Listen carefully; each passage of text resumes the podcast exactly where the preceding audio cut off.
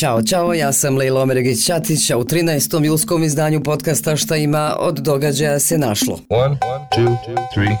Vijeće ministara koji ima sjednicu sa više od 30 tačaka dnevnog reda, a ja izdvajam to da će razmatrati izdvajanje sredstava iz budžetskih rezervi za saniranje posljedica poplava te interventno za saniranje posljedica širenja afričke kuge svinja u Republici Srpskoj i Brčko distriktu.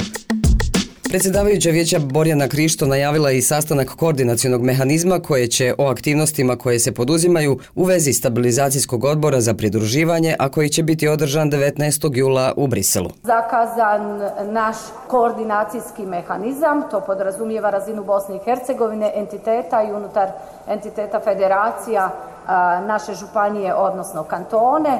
Do ovog trenutka pravimo informaciju o stanju Bosne i Hercegovine za peti stabilizacijski sastanak. Na tom koordinacijskom mehanizmu trebali usvojiti tu informaciju, usuglasiti se oko nje i onda na vijeću ministara usvojiti kako bi bila spremna da bude prezentirana na sastanku koji je zakazan za 19.7. Pravosuđe u BiH, stanje i perspektive, naziv je konferencije na kojoj će biti predstavljena baza podataka o pojedinačnoj transparentnosti sudova i tužilaštava u Bosni i Hercegovini. Organizator je Transparency International u saradnji sa Balkanskom istraživačkom mrežom, a učesnici će biti predstavnici pravosudnih institucija sa svih nivoa u državi, predstavnici međunarodne zajednice i međunarodnih institucija u BiH, te organizacija civilnog društva i medija.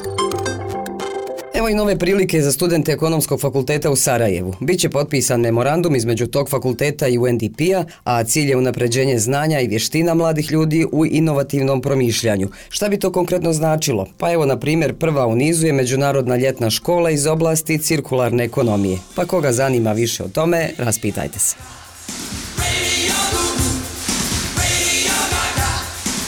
A sad želim kratko da vas podsjetim na jedan veliki muzički i humanitarni događaj iz 85. Live Aid. Na dva velika koncerta za pomoć djeci Etiopije, istovremeno održana 13. jula na Wembley stadionu u Londonu pred više od 80.000 ljudi i JFK stadionu u Filadelfiji pred skoro 100.000 ljudi. Live Aid je jedan od najvećih televizijskih događaja svih vremena prenošenih putem satelita kojeg je uživo pratilo, procjenjuje se oko milijardu i pol gledalaca u oko 100 zemalja.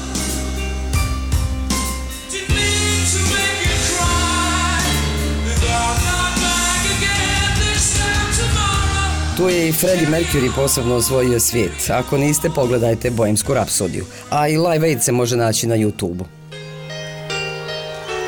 E sad malo o prokuhavanju kojeg sam ja moram priznati jedva dočekala jer mi je mahovina počela rasti iz ušiju od one kiše. Sreća pa i za nas, no ipak treba se čuvati ove vrućine. Prvo ovo, Federalno ministarstvo rada i socijalne politike preporučilo je poslodavcima da poduzmu sve kako bi od vrućina zaštitili svoje radnike, te uputilo apel da razmotre mogućnost prekida obavljanja radova na otvorenom u periodu od 12 do 17 sati, te da ih nastave iza tog perioda. Mislim da tu sam vijest naišla za federaciju, ali normalno je da se svi poslodavci tako ponašaju bez obzira iz kojeg su dijela Bosne i Hercegovine. A drugo naranđasto upozorenje izdato je i za danas u BiH. Temperature bi mogle ići i do 38, znači držite se hladovine i vode. Pijte vode. To je to. Ćao do sutra, čekam vas na istom mjestu.